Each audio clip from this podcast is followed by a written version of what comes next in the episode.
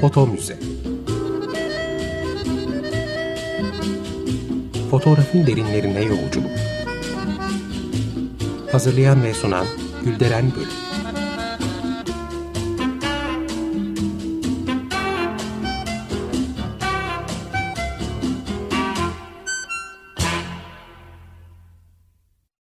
Merhaba değerli dinleyiciler, fotoğraf tarihçiniz ben Gülderen Bölük. Yeni bir foto müzede yine birlikteyiz. Her zamanki gibi önce destekçimize teşekkür ederek başlamak istiyorum. Sayın Altuğ Doğanlarlıoğlu'na sağ olsunlar. Bugün yine dünya fotoğraf tarihinden önemli bir kadının hayat öyküsünü anlatacağım. 20. yüzyılın önde gelen portre fotoğrafçısı Tude Flashman. Tüm çevresi ona kısaca Tud diye hitap ediyor. Yahudi asıllı bu başarılı fotoğrafçı 22 Aralık 1895 yılında Viyana'da üç kardeşin ortancası olarak dünyaya geliyor. Önceki programlardan birinde size Madame Dora'yı yani Dora Filipine Kalmus'u anlatmıştım. E, Tude Flashman da onunla aynı şehirde doğuyor. İleride yolları da kesişecek ve ilginç şekilde benzer şeyler de yaşıyorlar. Tabii aynı topraklarda ve aynı dine mensup olmanın getirdiği ortaklıklar da var. Tude Flashman da Madame Dora gibi zengin bir ailenin çocuğu. Ailesi kariyerinin ilk yıllarında önemli miktarda finansal ve manevi destek sağlıyorlar kızlarına. Fotoğraf makinesiyle tanışması ve sahip olması da 7-8 gibi çocuk yaşlarında mümkün olabiliyor böylece.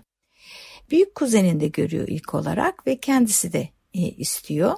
Çok geçmeden de ailesi ona bir tane fotoğraf makinesi hediye ediyorlar. O da ilk andan itibaren bir fotoğrafçı olmanın hayalini kuruyor. Liseyi bitirdikten ve maturasını verdikten sonra hayallerini gerçekleştirmek için önce bir dönem Paris'te sanat tarihi okuyor. Ardından 1913 yılında kapılarını kısa süre önce kız öğrencileri açmış olan Viyana Grafik Eğitim ve Öğretim Enstitüsü'nde fotoğraf eğitimi alıyor. Tekrar hatırlayalım, Madame Dora da kendisinden önce aynı okula gitmiş, fotoğrafçılık dersleri almıştı. Üstelik Madame Dora o zamanlar ilk ve tek kız öğrenciydi. İşte Tude Flashman da o okula gidiyor. Bitirdiğinde sağlam bir teknik eğitime sahip oluyor. Ama aslında derslerin sanatla fazla bir ilgisi olmadığı için eksiğini kapatmak istiyor. Ve de bu alanda biraz pratik yapmak için çalışmalarına hayranlık duyduğu Madame Dora'nın stüdyosuna çırak olarak giriyor. Fakat buradaki tecrübesi ne yazık ki çok kısa sürüyor. Her şeyden önce Madame Dora, Tude Flashman'ın sadece rötuş yapmasına izin veriyor ve çok da geçmeden onun e, çok yavaş olduğu yönünde bir eleştiri yöneltiyor. Bunun üzerine Flashman hemen stüdyodan ayrılarak başka bir fotoğrafçının yanına Hermann Schibert'in stüdyosuna geçiyor. Yine bu sıralarda Viyana Fotoğraf Derneği'ne üye olmayı da ihmal etmiyor. Ustası Hermann Schibert de başarılı ve tanınmış bir fotoğrafçıydı Stüdyosu Viyana'nın entelektüel ve kültürlü kesiminden pek çok insanın uğrak yeriydi. Bir gün Schubert uzaktayken mimar Adolf Loos ve yazar Peter Altenberg stüdyoya geliyorlar ve Tude Flashman'dan onların fotoğrafını çekmesini istiyorlar. O da çekiyor ve bu ilk pratik denemesinde de başarılı oluyor. Bunun üzerine yazar Altenberg ona fotoğrafı imzalayarak veriyor. Üzerine de şu notu yazıyor. Kimsen tüm kalbinle o ol. Ne eksik ne fazla. 1900'lerin başları. Bu tarz cümleler günümüzde çok sık kullanıldığı için biraz içi boşalmış durumda. Ama o zamanlarda Flashman'ı çok etkiliyor ve o andan itibaren bu sözler onun hayat mottosu oluyor. Özel yaşamında ve iş hayatında alacağı her kararda bu sözleri hatırlıyor. Flashman kimi kaynaklara göre 24, kimilerine göre ise 25 gibi genç bir yaşta annesinin teşviki ve ailenin maddi desteğiyle Viyana'nın merkezinde oldukça iyi bir konumda kendi stüdyosunu açıyor. Tabii o zamanlarda stüdyo sahibi olan az sayıda kadın fotoğrafçıdan da biri oluyor. Hatırlayalım Madame Dora ilkti. O da stüdyosunu 26 yaşında açarak kendisinden sonrakilere ilham vermişti. Tude Flashman da Madame Dora'dan sonra gelenler içindeki yerini alıyor. Ama aslında sadece fotoğrafçılık da değil birçok sanat neredeyse tamamen erkeklerin hakimiyeti altındaydı. Birinci Dünya Savaşı'ndan önce Viyana'da hiçbir kadın fotoğrafçının olmadığı yazılıyor. Oysa biz 1918 yılında Naci Hanım gibi bir kadın fotoğrafçı çıkarabilmişiz.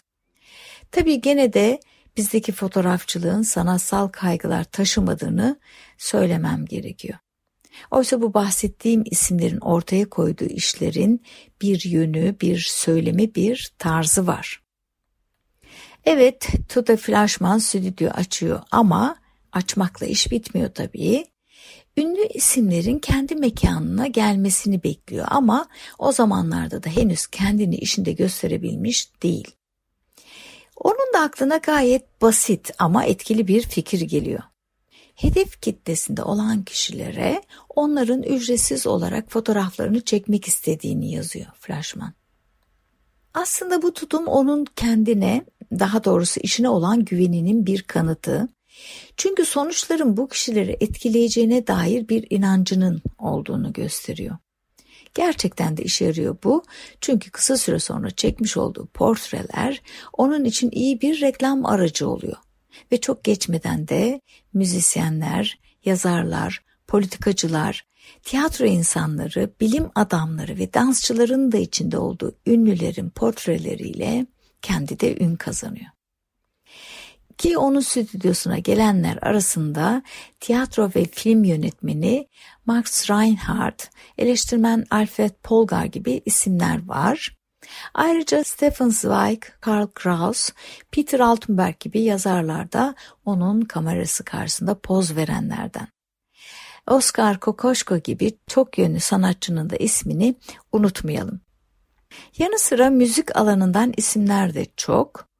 Viyana Saray Orkestrası'nda yönetmiş olan şef Bruno Walter'i, besteci Alban Berg'ü, Avusturya'da modern dansın önde gelen isimlerinden biri olarak kabul edilen Greta Wiesenthal sayabiliriz.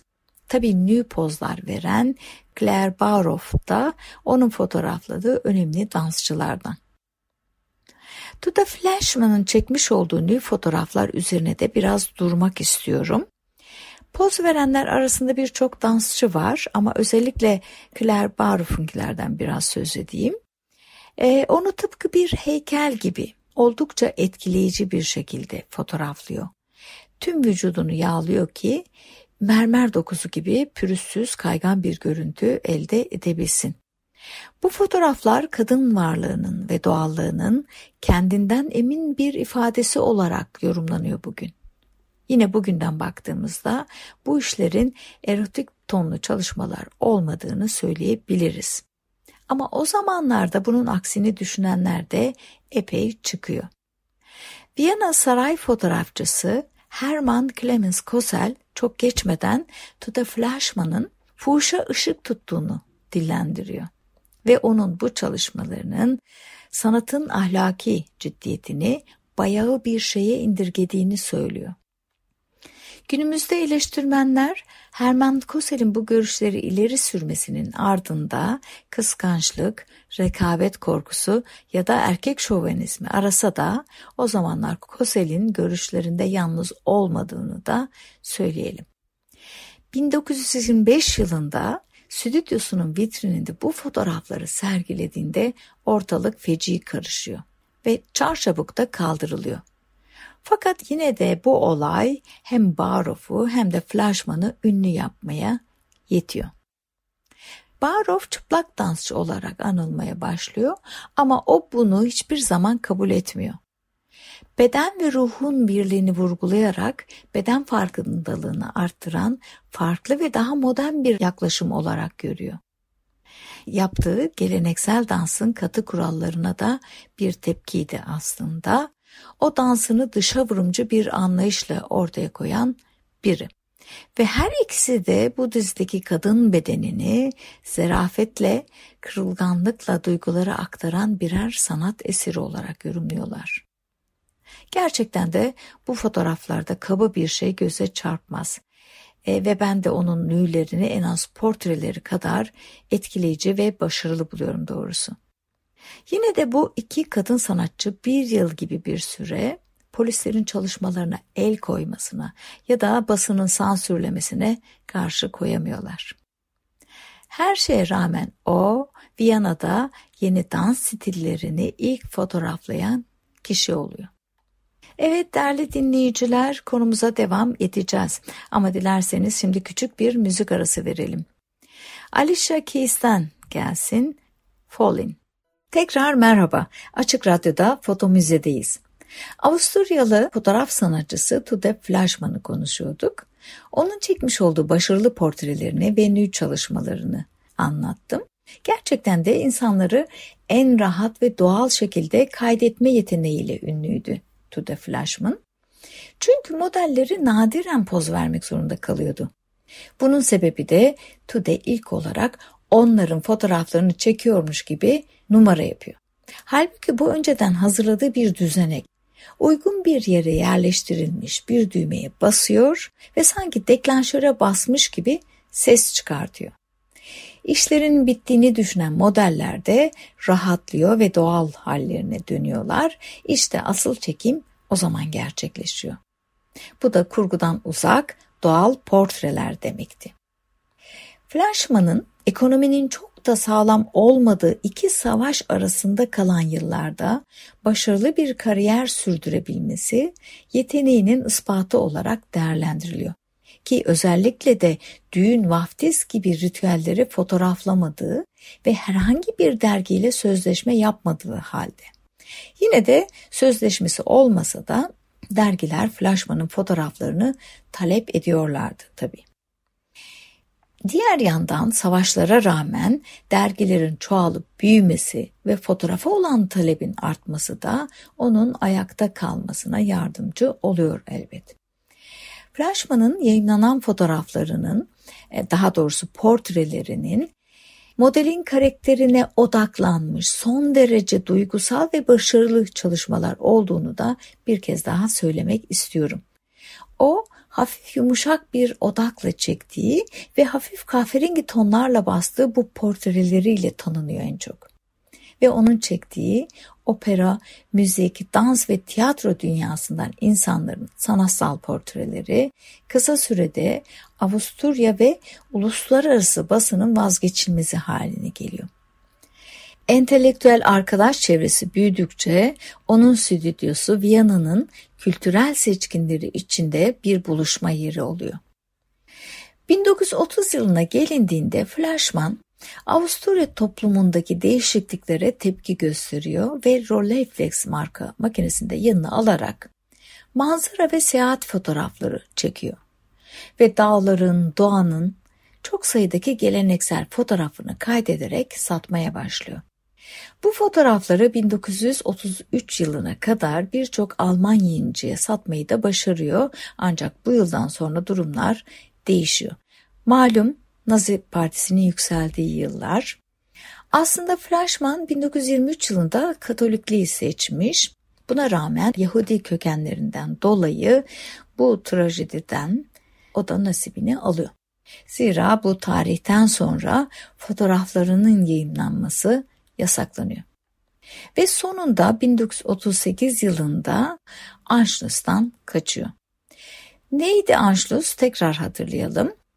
Bağ birlik anlamına gelen Anschluss Hitler'in bir ulus bir devlet idealiydi ki bu fikir Avustralyalı sosyal demokratlarca da 1933 yılına kadar desteklenmiş Hitler yine bu fikir doğrultusunca 1934 yılının Temmuz'unda Avusturya'daki nasyonel sosyalistlerin iktidarı ele geçirme çabasını destekliyor. Ama kazanamıyorlar. İşte Tuda Flashman'ın bu gelişmelere tepki göstererek Rolleiflex marka makinesiyle doğanın kucağına gittiği, dağları, manzaraları çektiği zamanlar. Anschluss fikri 1934 yılında askıya alınsa da 1938 yılında Hitler tarafından Avusturya Başbakanı Schössnick'e bir ultimatom veriliyor. Avusturya'da bir Nazi partisi açılmasından başlayan ve bazı bakanlıklara Nazilerin getirilmesi ve hatta Almanya ve Avusturya'nın ordu ve maliyesini birleştirilmesine kadar önemli birçok isteğin sıralandığı bir liste bu. Schleswig bu isteklerin çoğunu yerine getiriyor ama yine de Anschluss'u halkın oyunu sunmak istiyor. Ama daha öncesinde Alman birlikleri Avusturya'ya giriyor ve iki ülke böylece bir oldu bittiyle birleşmiş oluyor. İşte bu gelişmelerin ardından Fleischmann'ın çalışmaları neredeyse tüm Yahudi halk için olduğu gibi aniden sona eriyor. Sistematik kovuşturmalar, antisemitik baskılar, baskınlar ve zorunlu satın almalar barışçıl bir yaşam sürmeyi imkansız hale getiriyor. Flashman da stüdyosunu kapatıp bavulunu topluyor ve Viyana'dan ayrılıyor. Ve bagajında çalışmalarına ait sadece 41 negatif olduğu bilgiler arasında. Diğerlerin hepsini ne yazık ki imha ediyor. Flashman her şeyi geride bırakarak önce Paris'e sonra da Londra'ya gidiyor ama buralarda da uzun süre kalmıyor. Kısa süre zarfında eski öğrencisi ve aynı zamanda sevgilisi Helen Post Modley'in yardımıyla New York'a göç ediyor. Ve burada 1940'ların başında göçmen arkadaşı Frank Elmer ile Midtown Manhattan'da 5. cadde ile Broadway arasında bir stüdyo açıyor. Ve yine Helen Post desteğiyle Flashman burada ikinci kez başarılı bir kariyer ve bir yaşam inşa ediyor. Kendi stüdyosuyla neredeyse aynı zamanlarda açılmış olan Galeri Saint Etienne'deki tüm sergileri de hiç kaçırmadan geziyor. Ki bu galeri şimdi e, Amerika Birleşik Devletleri'nde Avusturya ve Alman dışa vurumculuğu konusunda uzmanlaşmış durumda. Erik Heckel, Gustav Klimt, Oskar Kokoschka, Paula Monderson Beka, Igan Schiele gibi Avusturyalı ressamlar ve Alfred Kübün gibi illüstratörlerin Amerika'daki ilk sergileri bu galeride açılıyor. Flashman Amerika'da portre fotoğrafları çekmeye devam ediyor ve dünyaca ünlü isimler yine onun objektifinin karşısına oturuyor. Hem kendisi gibi Avrupa'dan kaçıp gelen birçok sanatçı ve entelektüel hem de tanınmış Amerikalılar. Albert Einstein, Sinclair Lewis, Eleanor Roosevelt, Marian Anderson, Elizabeth Bergner gibi isimleri sayabiliriz. Hatta fotoğrafçılardan nefret ettiği iddia edilen şef Arturo Toscanini'ydi. Ve Flashman ara sıra başta Vogue olmak üzere birçok moda dergisi içinde çekimler yapıyor. Yine de o fotoğrafçılığı bir sanattan ziyade bir zanaat olarak değerlendiriyor. Ve e, kendi çalışmalarını fotoğraf dünyasının kadınlara açılmasına yardımcı olan bir tavır olarak görüyor. Flashman Amerika Birleşik Devletleri'nin 2. Dünya Savaşı'na girmesinin e, akabinde 1942 yılında Amerikan vatandaşı oluyor.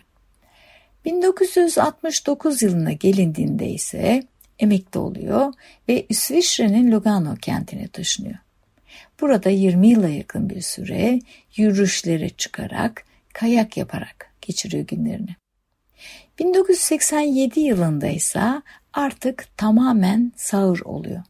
Ve de aynı yıl bir kaza geçiriyor ne yazık ki. Bu kazada iki bacağını da kırıyor.